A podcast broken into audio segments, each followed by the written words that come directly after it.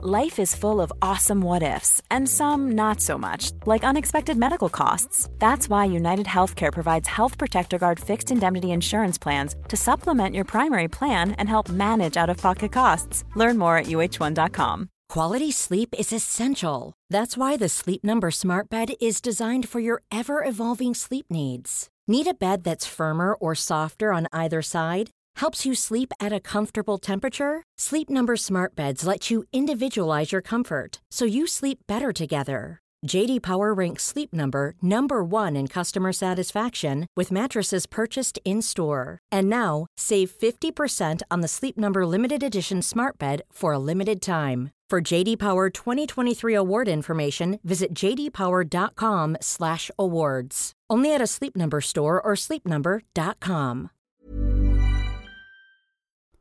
Hallå! Simon Gärdenfors heter jag och snart börjar min podcast Arkivsamtal. Vi håller på att flytta alla vårdatum på min och Anton Magnussons standup-turné till hösten. Biljetterna gäller till de nya datum som ni hittar på specialisterna.se. De flesta är redan flyttade och snart är alla klara. Jag har alltså inga gig i vår och knappt några andra inkomster heller. Så jag är kanske mer än någonsin i behov av stöd från er som lyssnar. Så, om du gillar den här podden, min sitcom, min musik, tecknade serier eller något annat som jag gör och spontant känner att det här vill jag supporta så att Simon kan fortsätta pumpa ut underhållning. Skänk då lite stålar på patreon.com arkivsamtal. Eller bara swisha valfri summa till 0760 72 47 28. Jag blir väldigt glad och tacksam när folk stöttar min verksamhet. Ni kan fortfarande lyssna på den här podden och specialisterna podcast som jag gör med Anton och Albin varje vecka. Och jag har två standup-timmar plus fem avsnitt av min sitcom Mina Problem på YouTube som ni kan kolla på gratis. Checka in det om ni har missat. Ni kan också följa mig på sociala medier som Instagram och Twitter. Det är både roligt och informativt. Men nu kommer Arkivsamtal som klipps av min redaktör Marcus Blomgren. Mycket nöje.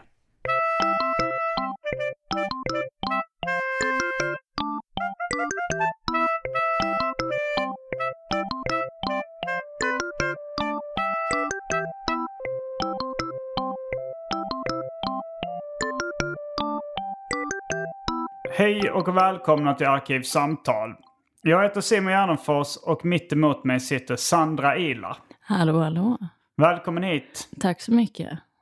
Hur är läget? Uh, det är bra. Alltså, det är väl helt okej. Okay. Mm. Uh, för alla. Lite konstigt. Alla mår exakt lika bra. I hela världen. Ja, och vissa mår helt förjävligt. Men resten mår helt okej, okay, typ. Det är lite bra konstigt. analys. ja, det, men samtidigt tycker jag alltså, som frilans att det är så ganska likt, förutom standupen. Mm. Alltså att jobba mycket hemifrån. Du tänker uh, på det här virussituationen? Exakt. Jo, jo, jo mm. jag jobbar ju väldigt mycket hemifrån. Men, men det är också lite det här uh, partylivet är lite annorlunda. Ah, ja, du har det också. Ja, det har väl du också. Jag tycker varje gång jag går ut och dricker öl så ser jag dig där på stan.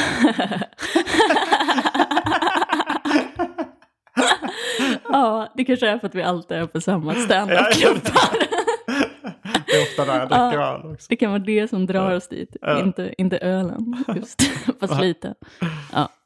Idag ska vi prata om eh, böcker som vi tror att kanske inte alla har läst. Mm. Uh, väldigt få böcker som kanske alla har läst. Men, uh, men uh, lite okänd litteratur. Uh. Men innan vi gör det så ska vi kasta oss in på det omåttligt populära inslaget Välj drycken.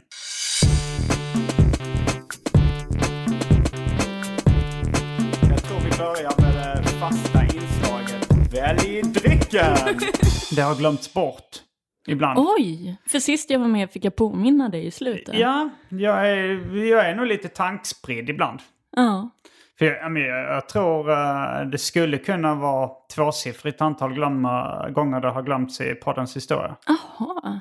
För det är så förknippat med Mm. podden också. Jo men Så jag tänker många som 400 kommer hit- så är det liksom då Ja. ett visst bortfall. Men många av de som kommer hit och gästar borde ha det i bakhuvudet. Jo men de glömmer det också, vissa. Ja. Samtalet förblindar. Nej, ah, Mm. okej. Ja. Men då har vi Här kommer alternativen. Konstig mening kände jag. Då har vi Här kommer alternativen. Påminner lite om, eh, eh, vad heter den, Mus- Mustafas show i SVT. Eller, det var någon, eh, det var någon invandrare som hade en talkshow. Där han spelar rätt mycket på att han var invandrare. Jag tror det hette Mustafas show eller Mohammeds show eller något sånt där. Okej, var det innan Shanazi? Det var det nog. Ja. Men hans catchphrase var i alla fall Här kommer varsågod. ja, det är faktiskt väldigt likt. Att du börjar en mening och avslutar den med en annan.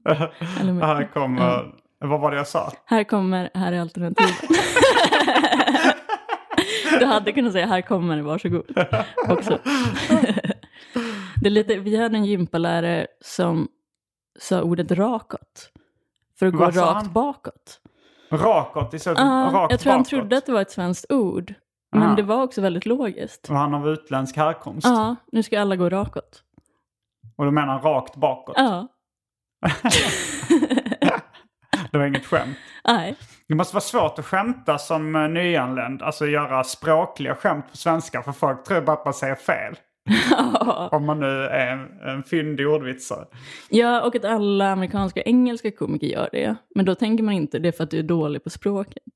Men det kanske folk tänker mer ifall det är en... Tänker du på eh, utländska, alltså så här, engelska och amerikanska komiker som är i Sverige och kör standup? Exakt, som hela tiden skojar om språket. Al Pitcher och Ja, Jonathan Rollins och sånt där. exakt. För Mm. det gör ju inte folk från andra länder på samma sätt.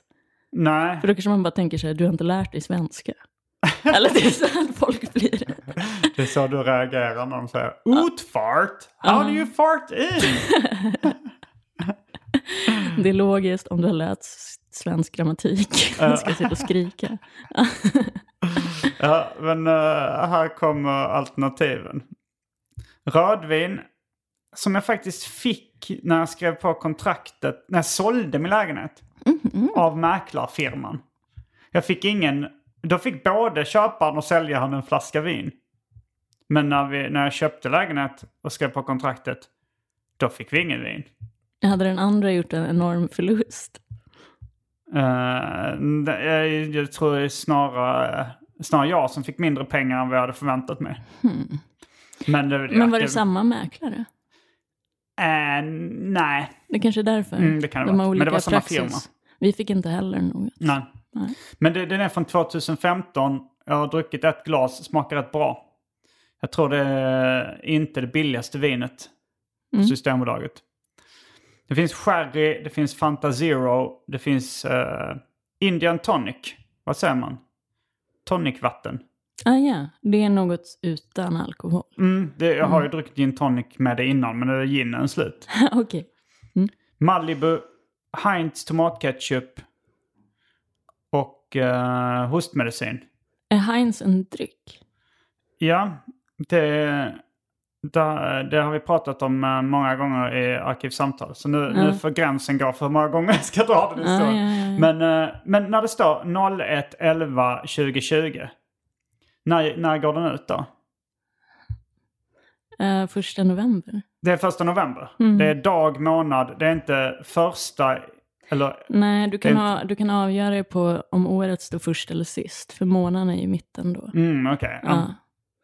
Då Den är, den ut är alltid bredvid året. Det är Nej. sällan det står år, dag, månad. Ja, om det står 20, 11, 01 så är det samma datum. Som 01, 11, 20. Ja. Okej. Bra, då har jag lärt mig något nytt. Eh, hostmedicin av märket eh, Svarta Skägget. Är det som med alkohol? Det är med kodin. Är det... Aha. Det är det som är nice. Det är det man blir lite lullig av. Ja. Sen har vi häxblandningen. Det vill säga alla drycker som fick, som fick, som fanns i min kyl innan det genomgick så kallad corporate rebranding. Eh, och för tråkmånsar och nejsära, vatten. Jag var faktiskt på vägen hit sugen på lite sprit. Mm. Men det tror jag inte fanns, så då är kanske rödvinet närmast. Ja, men jag kan nog tänka mig ett glas rödvin också. Ja, men det kan vara trevligt. Ja.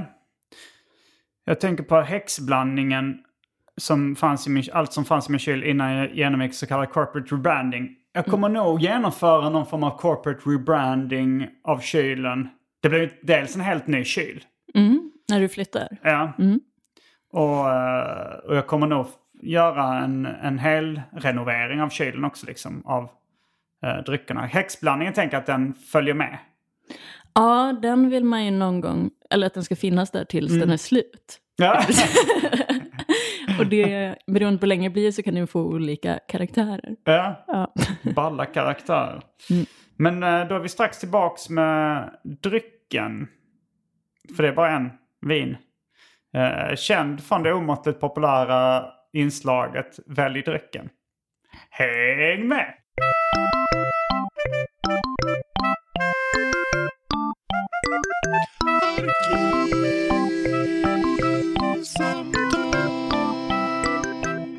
Då är vi tillbaks med det röda vinet. Mhm. Vill du smaka?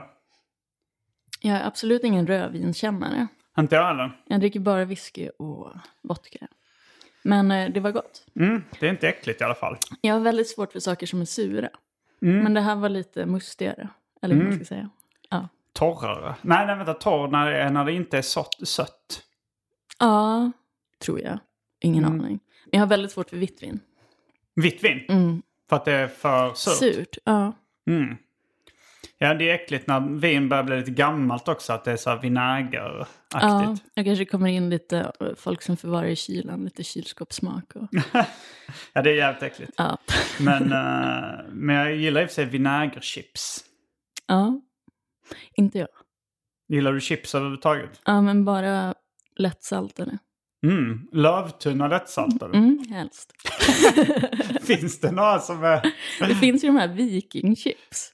Vickningschips? Jag har också gjort den uh, missen. Ja, Alltså när jag, var, när jag var liten så trodde jag vikingchips. Men sen så här, varför stavar de med CK? Och sen vickning betyder väl typ nattmat? jaha, jag har alltid trott vikingchips. Mm. Alltså jag sa det när jag var liten och ville Ja, ha det det. gjorde jag också när jag var liten. Ja. ja, men de, de är också helt okej. Men det är lövtunna lättsaltade, fan, Mm. nice. Från Estrella. Ja, eller OL med. Mm, eh, nu så ska vi då tipsa mm, lyssnarna om eh, lite böcker som vi gillar. Mm. Men som vi tror att eh, inte jättemånga har läst. Mm. Det, det finns ju, jag har ju tipsat eh, mycket, jag har pratat mycket om så här, Michel Houellebecq och det, det är ju ganska många som läser honom. Mm, det Claes var Holms. Aron har pratat mycket om. Ja, vi har pratat, jag har haft ett avsnitt med honom om Houellebecq ett- ganska tidigt. Och jag brukar uh, tjata väldigt mycket om Tredje stenen från solen om Claes Holmström. Den kommer jag eh, inte nämna mer än den gången jag nämnde den nyss i den här podden. Hoppas jag. Men är det din favoritförfattare kanske? Mm, det är nog min favoritbok skulle jag nog säga. Mm. Men, eh, men nu har jag liksom eh, tagit fasta på lite, lite andra böcker. Mm. Men vi kanske ska börja med dig. Mm. Men har du, du har allting från skönlitteratur till serie? Och, Men nu tänkte jag på eh, textböcker i alla fall. Ja, jag har blandat lite. Du har blandat lite? Okej. Ja, men jag kan, jag kan börja med en som jag... Som är, alltså lite i och med att, för det är väl med mig då att jag har väl tjatat hål på huvudet på folk att jag gillar Alice i Underlandet. Mm, har det är en bok som många har läst också. Exakt, och det har jag varit med i många poddar och pratat om. Mm. Men nu så var jag då i Cambridge förra maj. För jag brukar åka dit över min födelsedag, andra Mm. maj. Och då var det Ja, jättemycket... du har ju pluggat där. Ja, exakt. Och du känner folk där då eller är det därför du åker dit? Eller bara gillar du ja, ja, men både och. Gillar Mm. att vara där. Så jag åker Mm. nästan dit varje år under en period. Mm. Ofta över födelsedagen. Uh, men, Redan innan du pluggade? nej, Nej. efter. Åker tillbaka. Eh, men då när jag var där sist så var det ju, det var ju nästan hela förra året, fortfarande hade det väl varit om det inte vore för coronan, Eh, väldigt mycket snack om Brexit. Det var ju Mm. bara snack om Brexit då. Eh, och då hade de släppt en bok, det är en författare då som kallar sig Lewis Carroll har släppt Alice in Brexitland. Aha. Ja, som är, eh, det, det står det, you don't have to be mad to live here but it helps. Det är en klassisk... Uh, men jag ser typ på muggar och sånt på Buttricks. Man måste inte vara galen för att jobba här men det hjälper. ja, Det är ja. någon sån uh, så gammalt lite- skämt. Ja, och också Cheshire-katten i Alice. Säger katten i Alice i Underlandet den meningen? Ja, att alla är galna. Jaha, men Men han inte- säger inte det. Man måste inte vara galen för att jobba Nej. här men det hjälper. Nej, det säger han inte. Eh, men då, den handlar då, alltså det är en slags, alltså det är ju såklart inte bättre än Lewis Carrolls original, för den är ju, den går inte att toppa. Men den är väldigt ja. rolig, alltså det är som en satir som bygger och har jättemycket referenser till Alice-boken. Mm. Och det här galna landet som finns där. eh. Hon, uh, she meets the Corbyn pillar, alltså Jeremy Corbyn. Alltså jag har inte hängt med i Nej. brittisk politik. Ja, Jag, för jag de- känner igen namnet Corbyn men jag, tror- jag tror inte jag skulle uppskatta att läsa den här boken. Dels för att jag inte är insatt och dels för att jag har, ja, men jag har lite svårt för satir. i största allmänhet. Ja, men, ehm, men det här är väl då för de som gillar, jag är ju väldigt, min släkt är ju halva engelsk och väldigt så här inne i England. Är din Eller- släkt engelsk? Ja, min mormor är från Skottland, brittisk Ah, adel. Ja. Hon har ett släktvapen på väggen Wow. hemma i Luleå. Mm. Coolt. Med enhörningar. Wow. Ja, det var ju coolt ju. Men det är ju för att the lion and the unicorn. The unicorn är Skottland. Mhm. Och, Och vem är då- lejonet? England. Och då säger England att det är för att Skottland inte är ett riktigt land. Att de inte finns på riktigt? Nej, så de var enhörningar. Så det är, ja. Jag brukar ha en enhörning runt halsen. Aha, så det, det har en symbol för ditt ursprung. Ja. Eh, Men då, då är det då att Alice, she meets the Corbyn pillar, smoking... Att jag förstår inte den. She what's the Corbyn pillar? She meets him. Alltså the, the caterpillar. Ah, caterpillar. men she meets the Corbyn pillar. Jag kan bara läsa baktexten så de som hänger med fattar. För det är nog många referenser som går dig Okej, huvudet. ja, det kan du göra. Men artikulera tydligt. Ja. She meets the Corbyn pillar, smoking his hookah all day and being no help to anyone. Trumpty Dumpty sitting on the wall he wants the Mexican to pay for. And the hard Brexit pushing queen of heartlessness. Det här var då när Theresa May var Mhm. ja, premiärminister. Will Alice ever be able to find anyone who speaks sense? Och då, ja. Ah. Men jag tror Ja, att det är får- säkert bra om man uppskattar genren satir. Jo, exakt. Det är en bra kombo ifall man gillar lite brittisk politik och Alice. Så Mm. Ja, väldigt och du gillar båda. Ja. Eh, och den tror jag fortfarande säljs på typ Alibris och sånt. Men Mm. jag köpte den där i den här bokhandlaren. Ja. Men apropå satir och sådär, har du pratat någonting om eh, din historia med svenska nyheter i poddar och sådär? I min egen. I din egen podd? Vi, Ja. vi behöver inte gå in på det på djupet, men eh, jag har inte själv ens hängt med riktigt i vad som hände. Eh, det var nog mest bara att de skötte det så dåligt. Du, du jobbade där och, så, och sen Ja. slutade du jobba där. Det är den Exakt. korta historien. Ja, och sen, och sen i... eh, ja, men jag tyckte väl inte att det var så roligt där mot slutet. Och så ville jag hellre göra mina egna saker. Och sen i första avsnittet för säsongen körde de nästan exakt min rutin som slutcase om slöjd. Alltså det, alltså det är ju så att slöjd, alltså det var flera formuleringar Ja, men det har jag sett på när du har lagt upp på Ja. sociala medier. och som jag Ja. vet att många har sett. Mm. Det är redaktion. Ja. Och det var framförallt när jag påpekade att de bara ignorerade och inte brydde sig. Ja. För det är ju lätt att råka sno saker, det vet jag också. Och det, jag säger inte att det är meningen. Men Mm. Nej. det är mera hur man så bara hanterar det. Jag tror både du och jag har uh, både råkat sno grejer och uh, blivit utsatta för stöld. Mm, absolut. Men, uh, men grejen är ju att uh, jag tänker så att om man... De flesta har ju begått något brott någon gång. Man har ju laddat ner film. Man har ju kanske snattat eller knarkat eller något sånt någon gång. Mm. Men bara för att man gjort det, då kommer man ju polisanmäla själv om man har inbrott eller något sånt. Ja, Eh, exakt. för jag tycker många säger så här, du ska inte säga någonting för du har själv gjort det. Men, Ja. eh, men det är klart man, man kommer Jo, göra det. exakt. Och det är så här, bara för att någon har gjort något så här, innebär det att det är all, rätt att ta allt från den personen då? för att den någonsin... Nej, nej, och jag- också att det är så här, de fallen handlar om hur man hanterar det. Alltså så här, ja men då backar jag och jag ger all cred till dig. Det var du som var på bollen först. Att det, ja, för det, det kan ju hända alla Eh, på olika sätt. Men, men mm. alltså att det, det var inte det bråket om eh, eventuellt stulet skämt som ledde till att du slutade där. Utan det var först att du slutade där. Mm. Och, och då, men det slutade du där då under, eh, var det vänskapligt liksom? Ja, från min Mm. sida var det att jag hade gått vidare och allting. Okej, ja. Uh, alltså det var ju att det blev mycket sämre på många sätt. Mm. Och jag var väl den som sa det rakt ut på redaktionen. Mm. Och då var det obekvämt och dålig stämning och negativt. Okej, ja. ja, så då fick jag inte vara i rummet. Um, nej, jag har faktiskt inte sett knappt någonting. Alltså jag såg väl så här när, när det var Kina-skandalen. Så, sådär, Ja. Men det är väl också att jag eh, ja, men, jag inte gillar genren satir speciellt mycket. Nej. Så jag konsumerar inte det när det, när det släpps något nytt. Men jag tror att mycket var för att jag var med från början och startade upp det med Micke Mm. och Jeppe då och några till. Och han var inte kvar längre och det kändes som inte mycket kvar? Nej, han skulle, alltså det var planerat ganska länge, han och Jeppe slutade samtidigt. Micke Lindgren och Jesper Rönndahl pratar vi om nu. Exakt, för att han skulle regissera film som var Mm. Okej. bokat sedan länge. Mm. Och då var det som ett helt annat klimat och det som jag tyckte gjorde programmet bra när det var som bäst var lite borta. Att det är högt i tak och man sparkar åt alla håll. Ja. Och det inte finns en tydlig agenda med det man skriver. Utan Men- det är bullshit och skojar vi om det. Uh, så det var väl mycket att jag bråkade om de sakerna som jag tyckte hade blivit dåliga. Ja, okej. ja. Och till slut när ingen ville lyssna så var det, då gick jag därifrån. Okej, ja men det om satir. Mm. Ehm, ja men då har vi ett... eh, för er som gillar satir, England och uh, Lewis Carroll. Mm. Så kan ju det vara tips. Mm.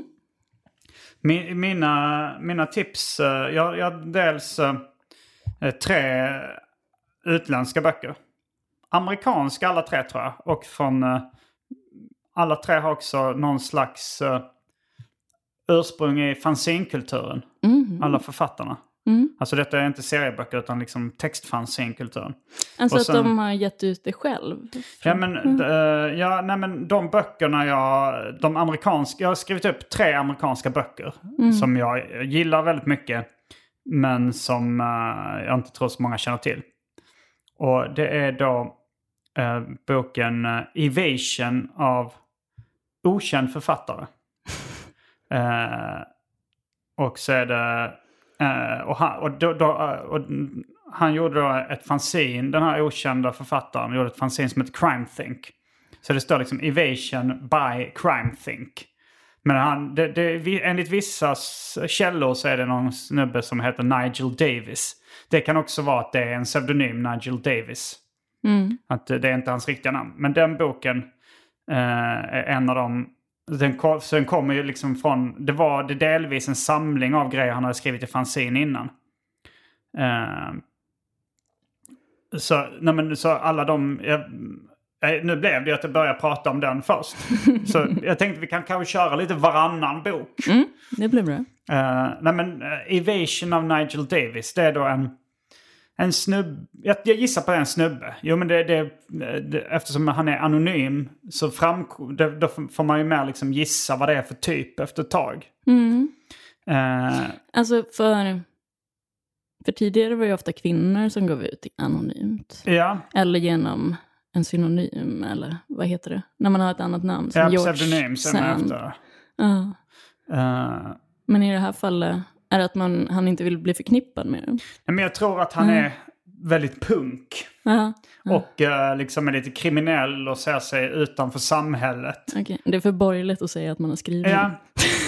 eh, men det här är då liksom någon slags, eh, någon slags luffarskildring.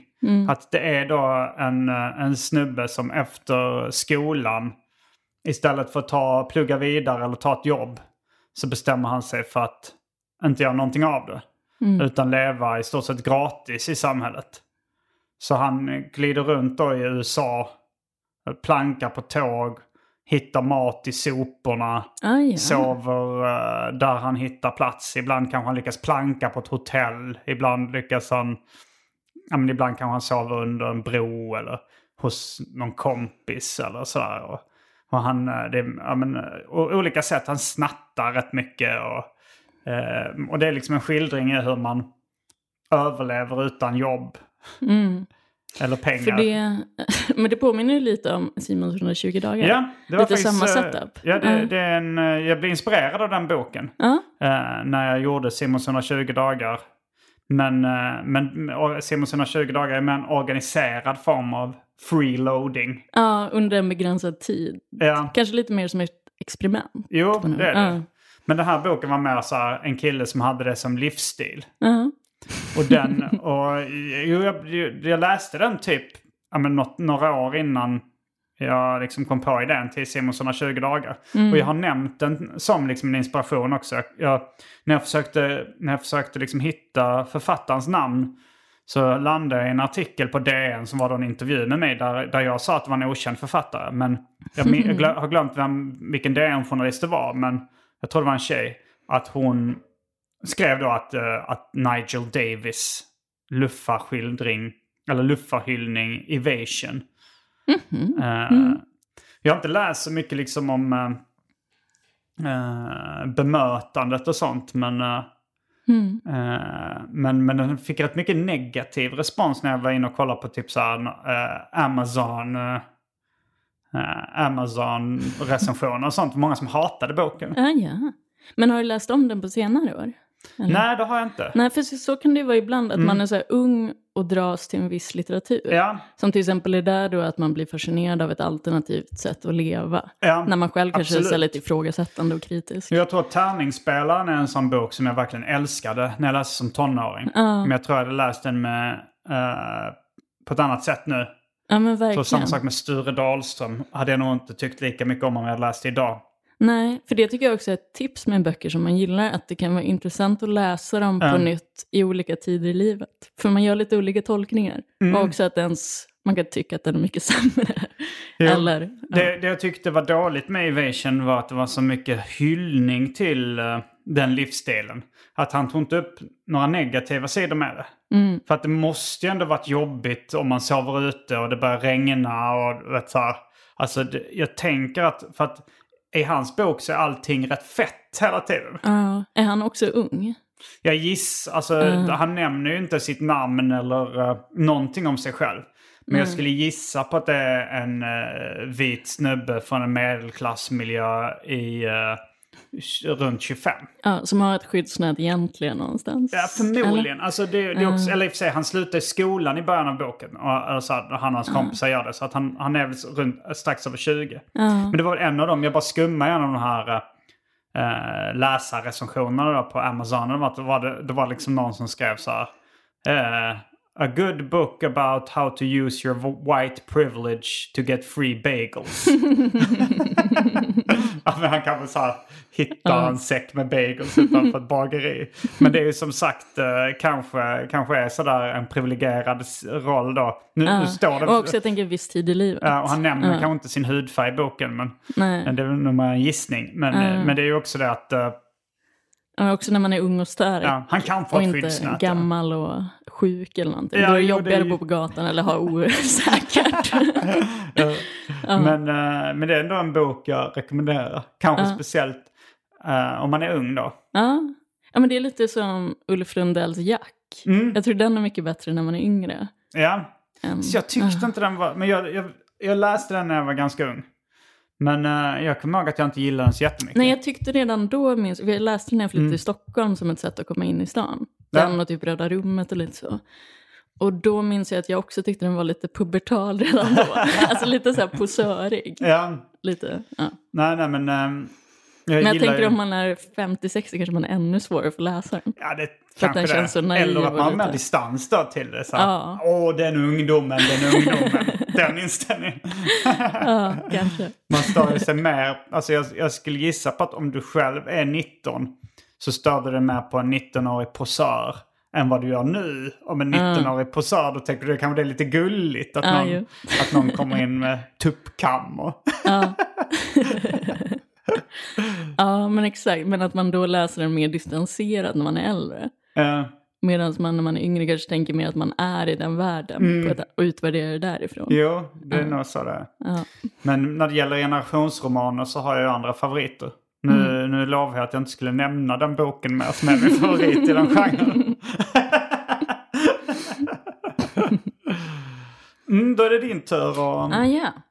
Eh, Komma men med ett då, boktips. då tänkte jag faktiskt ta en som är en fotobok men som är helt fantastisk. Mm. Och det är då, han heter E.G. Belloc och det heter Storywill Portraits, heter boken. När är den från ungefär? Uh, alltså fotorna är tagna i början av 1900-talet. Mm. Men det gavs ut mycket senare för man hittade printarna eller de här glas uh, plåtarna med fotorna långt efter. Okej. Eh, och det är då, det, det som var då, alltså Storyville var då New Orleans Red Light District, Mhm. där i början av 1900-talet. Coolt. Och det här var en person som var helt okänd att han fotade eller höll på. Också har beskrivits i efterhand som lite udda och ful, tror jag många återkommer till. Men han var då och hängde i de här eh, prostitutions... Och det är ingen som har berättat efter de här kvinnorna och så som har berättat att han var obehaglig eller konstig eller så. Men, Men han klädde upp många av de prostituerade och tog vackra bilder av dem. Mhm, Bland annat det här mm. i, fina kläder. Uh, där är en, här kan vi ta Det påminner lite om uh, Toulouse-Lautrec. Alltså en, eh, en person med udda utseende som hänger i, i kretsar. Det finns mycket prostituerade och gör liksom en Mm. rätt smickrande porträtt av dem. Jo, alltså vissa är råare och det som är märkligt och det man inte riktigt vet svaret på är varför han bland annat har suddat ut huvudet på vissa. Ja, men de kanske valt att vara anonyma. Ja, det kan det vara. Mm. Eller så misstänker man att hans, efter hans död, att hans prästbrorsa gjorde det. Ja, hans brorsa var präst. Men det är en väldigt fin bok från en utställning som jag tror var i New York långt senare med de här bilderna. Vad hette boken nu igen? Eh, Storyville Portraits. Det går också att googla fram de här olika fotografierna ja. tror jag. Men jag har själva boken. Kolla här är en som är naken och som håller en fjäril på väggen. Så. Mm. Det är väldigt vackra bilder som man har tagit på dem. Ehm, och man, man får också alltså, i boken och så läsa lite av de här kvarteren och det. Mm. Och något som är jätteintressant är att han ska ha varit inne i, för det var jättemånga asiater som missbrukade opium och Mm. bara satt hemma och det var en riktig dekadens i French Quarters då i New Orleans. Mm. Det var riktigt en gång, han var där och fotade under en lång tid. Det var väldigt få som fick access. Så man tror att det var för att han kändes lite som en, ja, men, udda figur och snäll, alltså lite och ful. Alltså som att han kom in på ställen där han, Mm. andra inte gjorde. Och där inne ska han ha fotat jättemycket, men de är förstörda tyvärr. Jaha. Så folk har inte fått se dem. Men det vore också en fantastisk bok Mm. att se. Så det, men det, han har verkligen fångat de här kvinnorna. Ja, det, du visade lite från telefonen under Mm. samtalets gång. Jag, jag gillar det. Och det Mm. liksom... Så jag tror eh, jag köpte den där på Amazon, Mm. den boken, för de är väldigt svåra att få tag på. hörde du talas om den? Är du på nätet eller? Ja, jag minns faktiskt inte. Men, Men jag, det var inte via Nico, utan det var, för han är ju väldigt bra på foto och kan Din många man. bra fotografer. Ja, din fullt lagliga man. exakt. Eh, för han skrev jättemycket om foto, men det där spårade jag upp själv. Det kan Mm. vara... Nej, han är fotograf eller? Ja. Eller, äh, inte professionell men... Nej, han, Eller delvis försörjer han sig på det, men också Ja. genom att göra bilder och reklam och sånt. Mm. Ja, nice.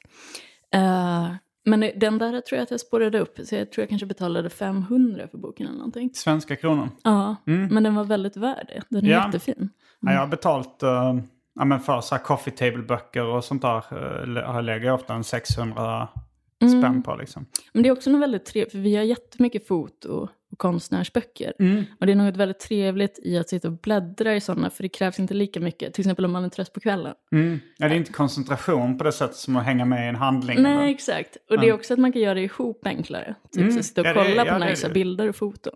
Och så kanske en liten text som man Ja, läser. och som man kan läsa om man vill. Mm, för det är väldigt svårt att dela en läsupplevelse Mm. annars. Eller det är ju så högläsning, men det gör ju inte folk. Nej, nej, det, nej inte längre. Nej. Kanske man har barn. Ja, jo det då. Life is full of what ifs. Some awesome, like what if AI could fold your laundry? And some, well, less awesome. Like what if you have unexpected medical costs? United Healthcare can help get you covered with Health Protector Guard fixed indemnity insurance plans. They supplement your primary plan to help you manage out of pocket costs. No deductibles, no enrollment periods, and especially no more what ifs. Visit uh1.com to find the Health Protector Guard plan for you.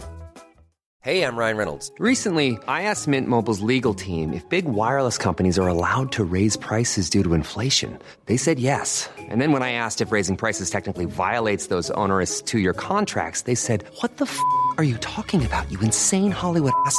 F- So to recap, we're cutting the price of Mint Unlimited from $30 a month to just $15 a month. Give it a try at mintmobile.com slash switch. $45 upfront for three months plus taxes and fees. Promo rate for new customers for limited time. Unlimited more than 40 gigabytes per month. Slows. Full terms at mintmobile.com. Hey there, it's Michelle Norris. I'm host of a podcast called Your Mama's Kitchen. When I travel, I'm usually looking for a way to find a taste of home when I'm not at home. And one of the things I love to do when I am at home is entertain. And Airbnb allows me to do that. When I was in California recently, I rented a house that had a great kitchen. And when we were sitting around the table, we we're all thinking, we're in someone else's house. Someone could be in all of our homes as well. If you have a home, but you're not always at home, you have an Airbnb. Your home might be worth more than you think. Find out how much at airbnb.com/slash host. Men eh, mitt främsta boktips annars är ju bara så att om du är intresserad av någon person eller fenomen eller figur. Bara, bara sök på liksom nätbokhandlaren och se om det finns en bok om det. Och så läs en biografi eller en skildring. Just nu så håller jag på att läsa en bok som heter, vänta den ligger här. Original Gangsters. eh, and the Birth of West Coast Rap. Då, den handlar då, för jag var väldigt, eh, liksom, det handlar om de uh, uh, rapparna som jag lyssnade på som barn. Alltså som NWA och eh, ja, men de första liksom, tidiga gangsterrapparna. Ice-T och sådär. Så det är svinkul att läsa. Eh, Jo, men det, tycker- det är mer det liksom en genre också. att läsa, bara no, läsa om någonting man är intresserad av. Det är ju inte romaner eller något sånt där. Nej, och det är också någonting med, jag tror också biografier är lite mer lättillgängliga för folk som har svårt för fantasi och berättelser Mm. som inte är på riktigt. Utan de är mer handfasta. Ja, Och lite kanske, alltså det går snabbare på något sätt och det händer mer. Ja. För min nästa, min nästa tips, det är egentligen en trilogi av tre böcker. Och det är liksom lite blandning mellan biografi och självbiografi skulle jag säga. Eh, känner du till författaren eh, Fredrik Sjöberg? Nå, Han är väl, alltså han är inte totalt okänd i, i Sverige. mm. Men han är väl ingen sån här riktig som, som de flesta har läst. Alltså en, inte ens de som brukar läsa böcker. Det var sig Nej, jag ett, tror inte jag har läst honom. det var i och för sig ett tag jag var på en resa. Då reste jag, då var, jag skulle jag åka till Japan med Galago. Och då så, eh, då så satt jag och snackade med eh, Stina Lövgren som jobbade på Galago då och eh, Joakim Pirinen, serietecknaren. Och alla vi tre höll just då på att läsa böcker av Fredrik Sjöberg. Av, en, eh, av ett sammanträffande. Men jag tror det är så här om man, om man har lite nördig hjärna. Då har man lättare att uppskatta honom. Det var, jag var hemma hos min farbror Ulf Gärdenfors. Eh, och då berättade jag för honom om David Liljemark. Bara beskrev David Liljemarks personlighet. S- Som ni som lyssnar på den här podden känner kanske till David Liljemark och hans personlighet. Men... Eh, och då så sa han, ja men det låter som Fredrik Sjöberg, sa han då. Och så visste inte jag vem det var. Men det, han hade, min, min eh, farbror då är zoolog. Och eh, han, han hade haft honom som student, Fredrik Sjöberg. Men, och han är väldigt intresserad av eh, djur och växter och, och den typen av grejer. Men även av konst och allt möjligt. Men han har skrivit en trilogi där böckerna heter Flugfällan, Flyktkonsten och Russinkungen. Och det är lite blandning mellan, det handlar mycket om då Fredrik Sjöberg själv och hans liv. Och sen så olika grejer han snör in på. Eh, I Flygfällan så handlar det mycket om att samla på flugor, alltså blomflugor.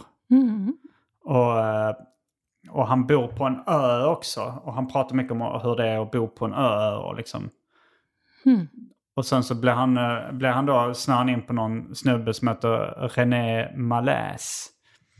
Som då eh, uppfann någon form av flygfälla. För att liksom, han, han var också liksom intresserad av eh, insekter och sånt där. Och, Men, men, eh, men jag, nej, det var den första jag läste och det är nog den första boken i den här eh, trilogin. För sen eh, fortsatte jag läsa då Flyktkonsten. Eh, som är samma upplägg. Det handlar mycket om Fredrik Sjöberg själv och hans liv. Men han blev väldigt intresserad av då en, en konstnär som heter Gunnar Widfors. Som är en okänd svensk konstnär som målar akvareller. Som, det ser inte ut som akvareller. Man ser liksom inte de här... eh, Jag, jag, jag ser inte att det är gjort i akvarell. Men det är väldigt realistiska naturmotiv. Och han hade blivit rätt känd i USA den här. Han, hade liksom, han var något av en globetrotter också tror jag. Den här eh, konstnären. Så det handlar om honom också. Så liksom li, lite biografi om honom men också liksom eh, självbiografi. Och sen den sista i serien heter Russinkungen. Eh, som handlar om, om det är också någon eh, som är liksom djur och naturvetare handlar det om. Jag kommer fram inte ihåg vad han heter. Jag sk- försökte skriva, jag har skrivit upp det väldigt slarvigt här. Gustav Gies... Nej, jag, säger, jag kan inte läsa vad det står. Men, det, Men om man googlar honom om man så go- man- googlar Russinkungen. För han skrev en, en eh, vad som beskrevs som epokgörande bok om uh, russinindustrin. gjorde den här, som han då studerar i den här boken. Mm. Men de böckerna, om man, om man har liksom liknande hjärna som jag och kanske David Liljemark och, och sånt där. Alltså om man är lite nördig och snör in på grejer och gillar självbiografi så kan jag rekommendera de böckerna. För jag har, och det är också liksom en svensk författare som... Ja, det, det är inte alla som vet vem det är. Nej, nej, jag hade inte hört alls om Nej. det. Låter bra. Nu är det din tur. Yes. Eh, och då tänkte jag, alltså det är egentligen en, eller det är en akademisk bok Mm. eh, inom ekonomi, för jag skrev in mig på min master, eller en ny master, på Stockholm Business School igen. Eh, bara för att, jag vet inte. Du skrev in dig på universitetet igen. Ja. För- Alltså, och under hösten när jag tyckte det var tråkigt på Svenska nyheter. jag måste alltid ha någonting som känns lite givande och utmanande. Mm. Men du tog inte CSN? Nej, nej det gör Ja. jag inte. Jag är fortfarande kvar på den. Så det är internationell master Okej, i och du, marketing. du pluggar du? Ja. Internationell master i en... eh, ja, det är marketing och consumption. För att jag, vet, jag tycker det är väldigt fascinerande att läsa lite så här psykologiskt och socia, Ja. sociologiskt ja, perspektiv. men jag är Alltså- intresserad av marknadsföring också. Ja, alltså hur, vad som får människor att reagera på vissa sätt. Mm. Och alltså hur man skapar olika behov. För det är ju så mycket som handlar om psykologi. Inte att vi behöver något för att överleva. Mm, nej, Utan- det låter ja. skitintressant ju. Ja, och den här boken tyckte jag var väldigt lättläst. Jag läste den innan jag skulle somna och så. Mm. Eh, så den är skriven på en populärvetenskaplig nivå. Alltså den är en, alltså med referenser och allting, men den är väldigt lätt att läsa. Mm. Och skriven på, av en svensk forskare som heter Henrik Uggla. Jag tror han jobbar på KTH Mm. inom marknadsföring. Och den heter då Marknadsföring av lyx och premium. Och den handlar Heter alltså... boken Marknadsföring av Lyxopenium? Premium. Lyx och premium. Mm. Och den är inte speciellt tjock heller och har lite olika kapitel. Eh, och den är som att den utforskar själv fenomenet kring lyxprodukter och Mm. lyxmarknadsföring. Och varumärken och hur man så skapar vet, anledningen till varför vi är villiga att betala så mycket mer för en viss produkt för att det har ett visst märke. Mm. För det är inte alltid, eller ganska sällan, det idag hänger ihop med kvaliteten eller så. Mm. Och det är sällan också, även om det är så god kvalitet, så motsvarar inte en Hermes-väska 180 000 i Alltså produktionskostnader. Hermes, eh, eller Ja, uttalat Hermes. Hermes. Ja, på franska, Hermes.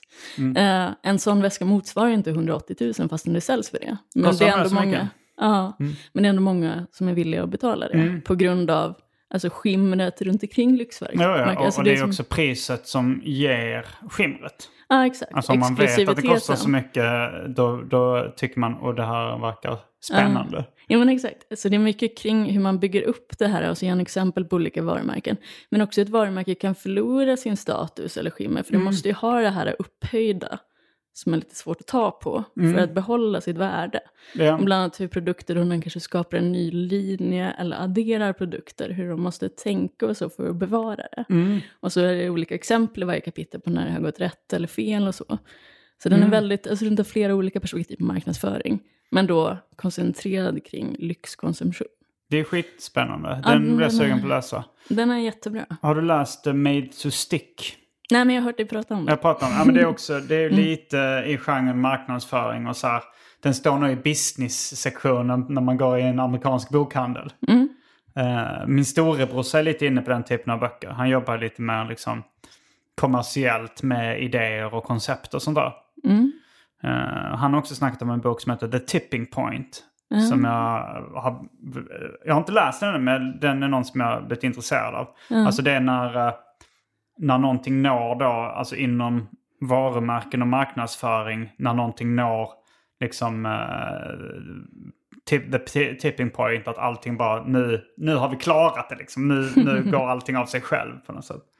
Att hur man jobbar upp sig till det eller vad är det som händer där. Jag har ju som sagt inte läst det, men det var någonting som jag tyckte, eller blev nyfiken på. Ja men ekonomiböcker är ju ofta intressanta också, när de inte är för, vad ska man säga, sifferbaserade. Och, Eller svårlästa, ja. abstrakta. Men när man tar det på ett större, kan man säga, perspektiv ovanifrån, för att studera beteenden så blir det väldigt Ja, intressant. men det där låter ju jätteintressant. Alltså vilka psykologiska aspekter det finns kring konsumtion och sådär.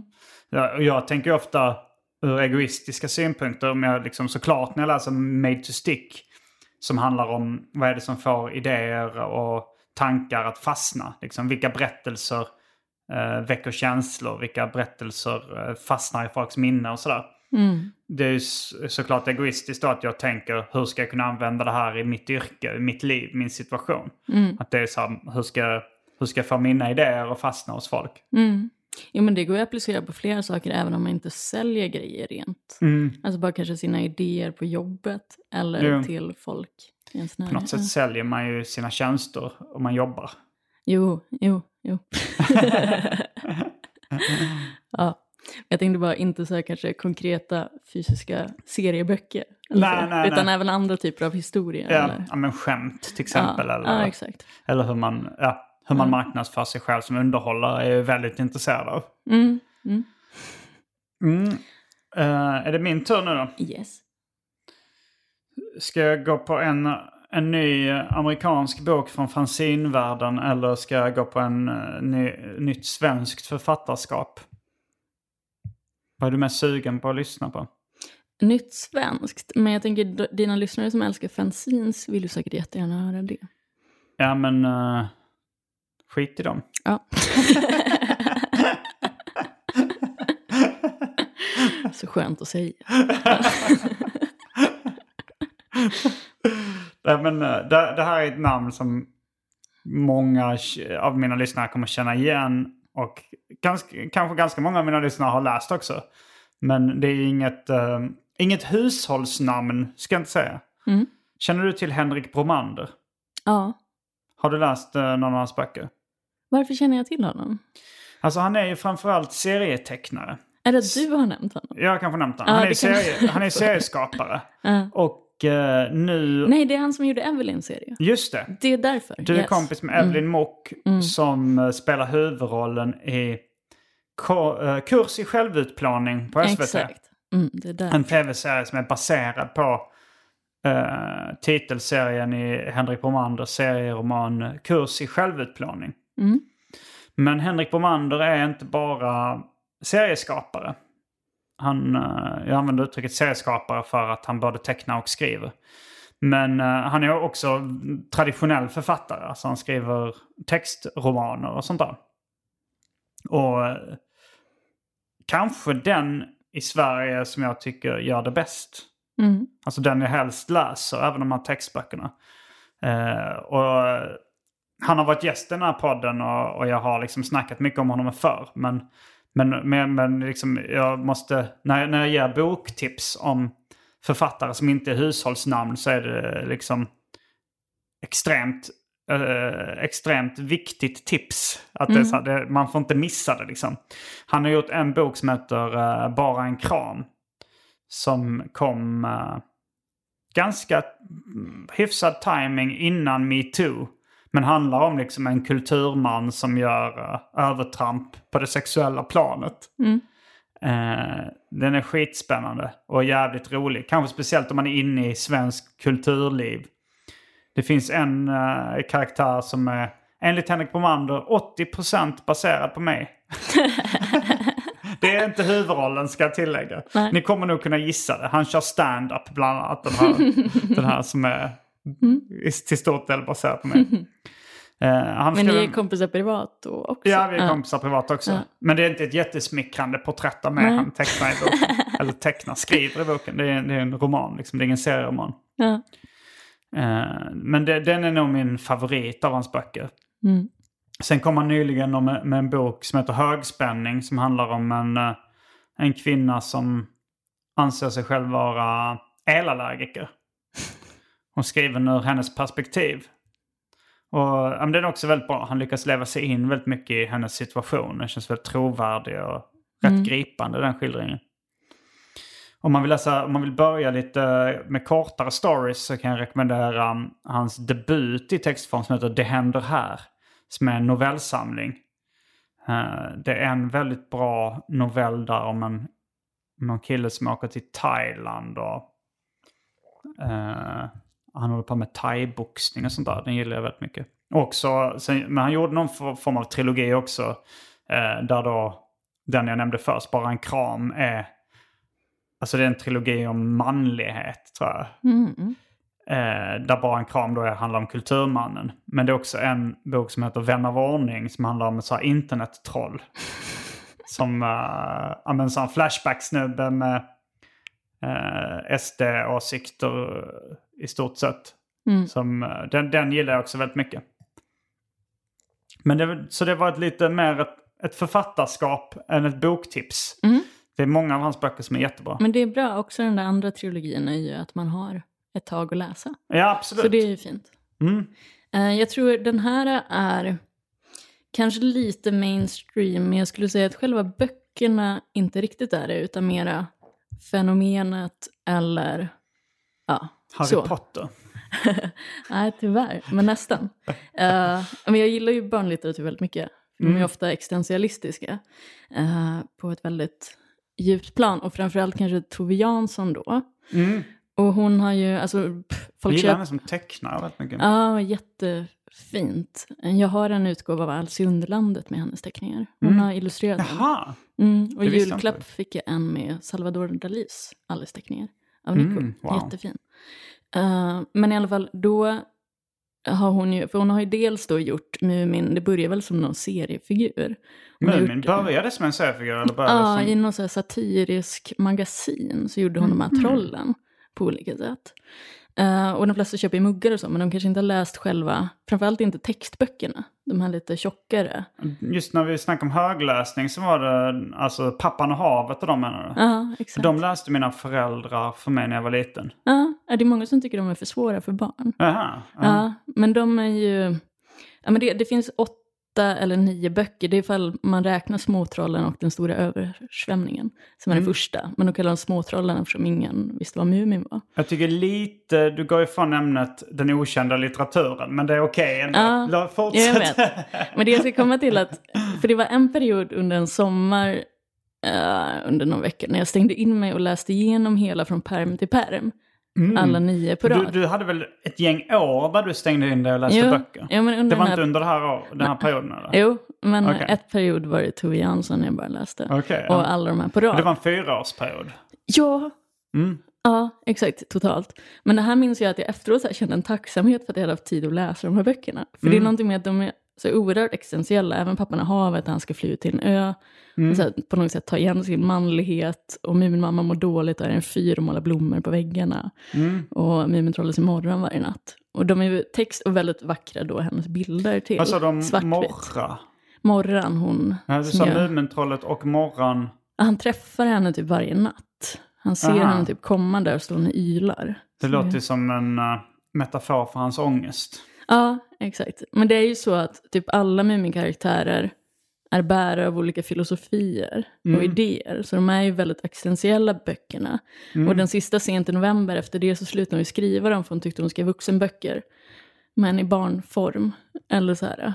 Vad sa du? Jag, nu, jag, jag hängde inte med. Du sa någonting om september slutar hon skriva dem.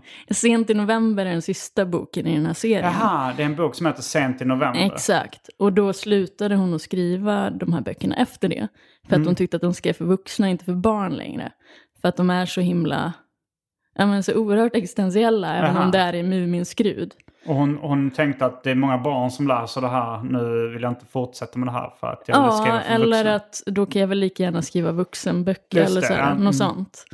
Men också den första efter Småtrollen och den stora översvämningen är Kometen kommer. Mm. Och den tror jag är väldigt så här, fångar mycket av det folk upplever nu eller så. Mm. För då är en komet på väg mot jorden. Ja, Och de ska gå till och kolla på den i ett stort de tror teleskop. att jorden ska gå under. Ja, Jag tänkte på den här filmen, är det Melancholia?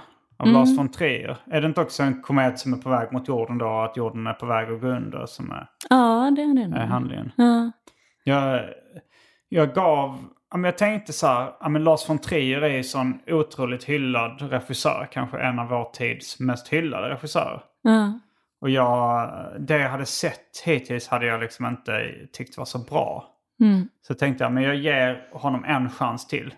Så kollade jag upp på IMDB vilka som var hans eh, liksom mest populära filmer eller som hade fått högst betyg av tittarna. Då tror jag det var Melancholia. Mm. Och så såg jag den med öppet sinne från början till slut. Mm. Fattar fortfarande inte grejen. Nej, jag skulle säga att Tove Jansson är bättre. Eh, Men det, skulle du säga att det finns eh, ett släktskap? Eh, ja, men han kanske har läst henne. Men jag tror, jag tror inte det är tvärtom. Nej, Att hon var ju före. jo, exakt. ja. ja, men de är verkligen jätte, jättebra. Lever Så, hon förresten? nej, hon är död. När dog hon? Uh, 2000 någonting. Mm. Eh, men sen så, uh, som blev äldre än Astrid. Mm. Men eh, sen så, för jag tänkte, för jag läste en artikel vad folk konsumerar just nu. Och då är det dels att jättemånga ser den där filmen, vad heter den? Contagious? Contagious? Va? Eh, Jag har missat det här. Ja, men det är att det handlar ju om någon smitta som sprider sig. Jaha, ja, Ja. ja, men nu har jag för mig att någon... Ja. Ja, Och okej. att de läser Albert Camus Pesten. Som handlar om en Mm, smittspridning i eh, Algeriet, tror jag det är. Och det är inte... Är det liksom... Under dig, utspelar den sig under digerdöden? Jag för mig att det är en annan pest, men jag kan ha fel. Det var ett tag sedan jag läste den. Men det är också, det handlar mycket om hur... Pestens tid. Är det en bok eller en film eller både och? Både och tror jag. Mm. Ja. Och det är inte den vi pratar Nej, om? Ja. nej, Albert Camus är mer existentialist, men det handlar Mm. om hur människor blir. Typ att vissa försöker tjäna pengar på det, vissa Mm. blir hysteriska, vissa försöker få lugn. Så det är väldigt så mycket hur alla agerar. Så Mm. den är typ utlånad på jättemånga bibliotek mer än någonsin. Mm. För att folk vill läsa den. För det är som så att man vill, alltså just det fenomenet att man vill ha fiktion, Mm. men det ska samtidigt vara förankrat i det hemska som händer runt omkring. Mm. Det är lite som så här, för det är inte på allvar. Alltså det är... Ja, men, det, kan, Men ändå. Det, det känns ju ändå... Det som det gamla uttrycket säger, mer aktuell än någonsin. Jo, fast jag är nog, alltså just nu när jag så läser väldigt böcker och så, att jag Mm. själv vill fly lite verkligheten. Aha. Och försvinna i något annat. Jag läser samma som jag gjorde innan. Ja, men du, det är inte så att du aktivt söker dig till Nej, dystopier nej, om smittspridning? förändrats. Nej, Jag, jag, bara, jag, jag hade ju påbörjat den här boken om gangsterrap Mm. innan eh, corona blev en grej. Eller i och för sig innan, innan jag började ta det på allvar. Innan det påverkade mitt liv nämnvärt. och sen har jag bara fortsatt läsa den. Och, Ja, Men jag har mer tid att läsa. Eftersom jag inte giggar lika mycket. Så på kvällarna så kanske jag ligger och läser istället för att vara på standupklubbar. ja. Mm. Är det ett intressant fenomen? Va? Mm. Mm. Det, men eh, så Tove Janssons uh, Muminböcker. Ja, de tjockare. Det, mm, men då, då kanske jag ska ta en, eh, en bok till. Mm. Jag ska prata om uh, Shit Magnet av eh, Jim Goad. Skrattar du åt titeln? Ja. det låter lite som The Game. Ja, det, det kanske det gör. Mm. Att han drar till sig skit. Ja, men är någon dating coach. Nej, eh, värre än så om det, nu, Aha. om det nu är möjligt. Nej men det, det, det är då, det, det är som jag sa, de är sprungen ur fanzinkulturen. Mm. Eh, Jim Goad var då eh, redaktören och frontfiguren bakom det nihilistiska fanzinet Answer Me. Som var liksom ett portalverk inom eh, Jag vill vara farlig-kulturen. JVVF-kulturen. Som var rätt stor då på 90-talet. Eh, och ja, men, han skrev i det fanzinet mycket om ja, men, seriemördare och, och eh, självmord och våldtäkt och allting som folk tycker är obehagligt i stort sett. Men, eh, han, men den här Shit Magnet är en självbiografisk roman av honom. Där han liksom, som titeln anspelar så tycker han då att, att, han är, att all skit dras till honom. Mm. Men som utomstående läsare så inser man ju så här, det är ditt eget fel. Alltså så här, man fattar ju att så här, din, det är din personlighet och din hjärna som, är, som det är fel på på något sätt. Mm. Att det, det är inte det att massa skit dras till honom, det är du som är, är liksom, det är du som skapar skiten ganska i mångt och mycket. Ja. Och då dras själv till folk som eh, kanske kan bidra till eh, det obehagliga. Sa du shit magnet? Ja, vad Jag tror trodde du? sa chic. Jaha, Det var chick magnet. därför jag sa att det lät som the game. Jaha, nu förstår jag. Uh, ja. Den heter alltså skitmagneten. ja, nu fattar jag vilka mer. Inte chick magnet. Ja. I början tänkte jag så konstig titel till. ja men då, då är jag med. Ja, okej. ja. Nej, men historien uh, kretsar rätt mycket då kring att han har eh, misshandlat sin älskarinna. Mm. Vilket är liksom, det är, det är en självbiografisk bok så det, det är väldigt, eh, det blir ju liksom ett moraliskt dilemma bara att, att köpa boken eller att liksom, att, att eh, på något sätt på något sätt så blir det kanske att man stöttar hans konstnärskap eller hans liv om man liksom konsumerar hans litteratur. För han är ju en, eh, en obehaglig person i själ och hjärta som har gjort fruktansvärda saker skulle jag nog säga. Liksom. För det, det handlar, fast det, det utspelar sig i fanzinvärlden ganska mycket. Att han pratar mycket om att han, han ger ut det här fanzinet Answer Me. Och sen eh, är han då gift med en, eh, en, eh, sin fru då som eh, och också är i fanzinvärlden. De gör ut fanziner tillsammans mycket, liksom det här Answer Me. Mm. Och han växer upp i en väldigt mycket så redneck, white trash eh, bakgrund.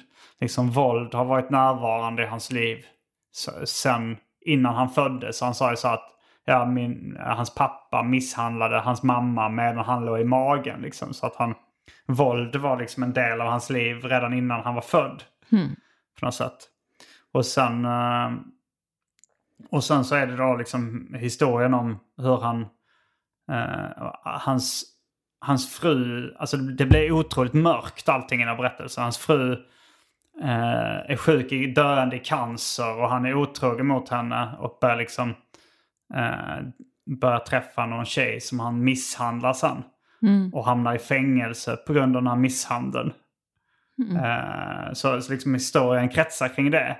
Så det, det är en väldigt mörk bok men det, det är väldigt spännande att få inblick i all, alla, alla som tänker så här, hur fan tänker en sån person? Här får man lite svaret. Han är ju ganska omedveten själv om att han, han verkar inte tycka att han själv gör så mycket fel.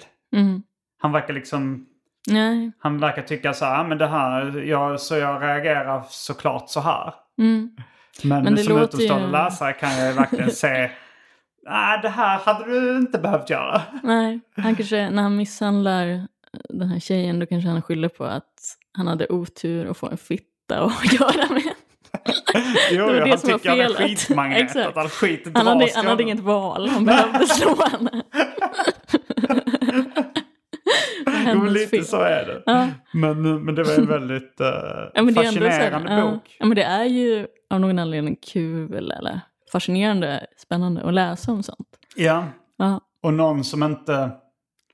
Alltså han försöker ju ändå inte ljuga om det. Det hade ju varit jobbigt om det är så att så här, om, han, om han liksom förnekade till allt dåligt han hade gjort. mm. Utan han erkänner allt skit han har gjort. Men, eh, men det är verkligen att få inblick i hjärnan av en av någon som alla bara hade liksom tyckt var så här, det här är en hemsk människa. ja verkligen. ja, men intressant. Mm. Ehm, har du någon avslutande bok eller ska vi börja runda Jag av? tror jag har sagt mina bästa Mm. i alla fall. Ja. Ja, jag, den enda som jag har kvar på min lista är då en, också en tredje som är från, eh, från fanzinvärlden som heter Inconspicuous Consumption. Mm. Jag har nämnt den förr i den här podden och eh, jag tror jag har lärt mig uttala inconspicuous. Det kunde jag inte det förra gången jag sa det. Eh, av Paul Lucas. Och han då, eh, han gjorde ett fanzine som heter Beer Frame. Där han recenserar olika produkter och sådär. Liksom det kan vara en, en, en apparat, en, sån, en liten maskin som där man får ut tandpetare, en liten behållare för tandpetare eller kanske någon surkålsjuice eller något som man hittat i en, i en affär. Den, den har jag också blivit väldigt inspirerad av. Jag gjorde, det finns fortfarande ute på nätet ett, eh, ett internetfanzine som heter Smak. Som jag gjorde bland annat faktiskt med Henrik Bomander som vi nämnde nyss. Där vi skrev liksom den typen av recensioner av mat och dryck och läsk och eh, snacks och godis och sånt där. Alltså det finns en hemsida där man kan läsa. Mm. Ah, De här recensionerna. Ja. Men det var ju rätt inspirerat av Paul Lucas fanzine Beer Frame. Men sen så har han samlat en bok som heter Inconspicuous Consumption. Jag vet inte, jag har googlat ordet inconspicuous uh, hundratals gånger. Men jag har inte riktigt lärt mig vad det betyder. Skum, diskret, tror jag är någon av synonymerna som man kan hitta på. Men... ehm, ja. men, det, men han skriver på ett väldigt roligt sätt och, och det är rätt nördigt också att han snör in på detaljer på saker som folk kanske inte tänker på i, i vanliga livet men som finns i affärer ibland. Då. Ja. Eh, så det jag avslutar med lite mer lättsamt tips. Ja, ja, det är uh, Shit. Magnet, det, det är så otroligt mörk bok. alltså, hade varit lättsammare om de hade hetat Chic Mag. uh, Chick Magnet, ja, det Ja. hade ju varit ännu mörkare. Ifall det handlar om han, han misshandlar sin älskarinna. Så med det Chick alltid. Magnet.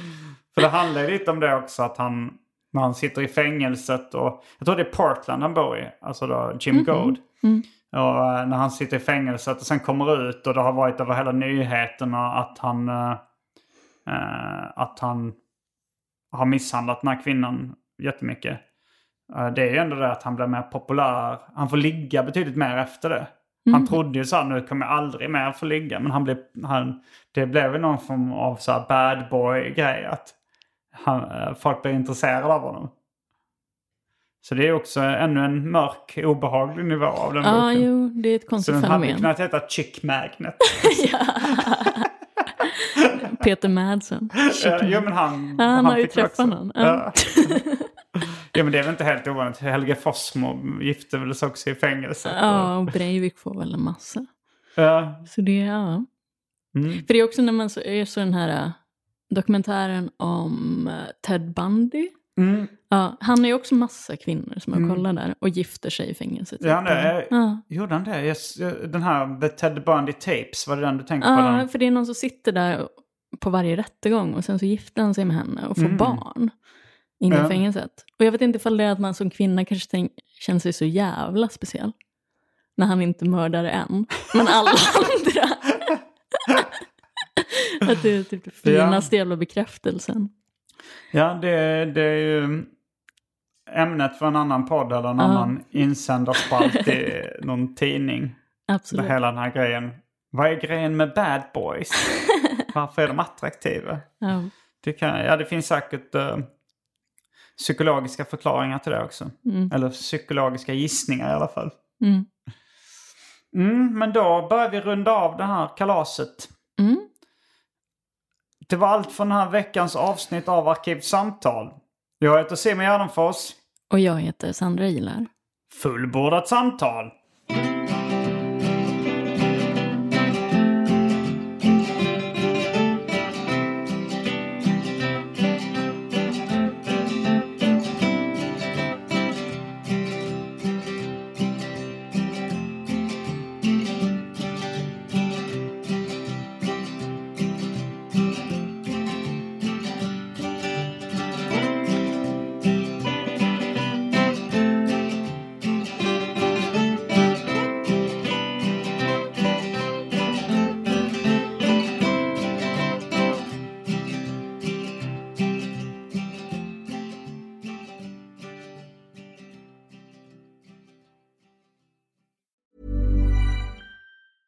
Planning for your next trip? Elevate your travel style with Quince. Quince has all the jet setting essentials you'll want for your next getaway, like European linen, premium luggage options, buttery soft Italian leather bags, and so much more. And is all priced at 50 to 80% less than similar brands. Plus, Quince only works with factories that use safe and ethical manufacturing practices. Pack your bags with high-quality essentials you'll be wearing for vacations to come with Quince. Go to quince.com slash pack for free shipping and 365-day returns. Hey, it's Paige DeSorbo from Giggly Squad. High quality fashion without the price tag. Say hello to Quince. I'm snagging high-end essentials like cozy cashmere sweaters, sleek leather jackets, fine jewelry, and so much more. With Quince being 50 to 80% less than similar brands. And they partner with factories that prioritize safe, ethical, and responsible manufacturing. I love that. Luxury quality within reach. Go to quince.com slash style to get free shipping and 365 day returns on your next order. Quince.com slash style.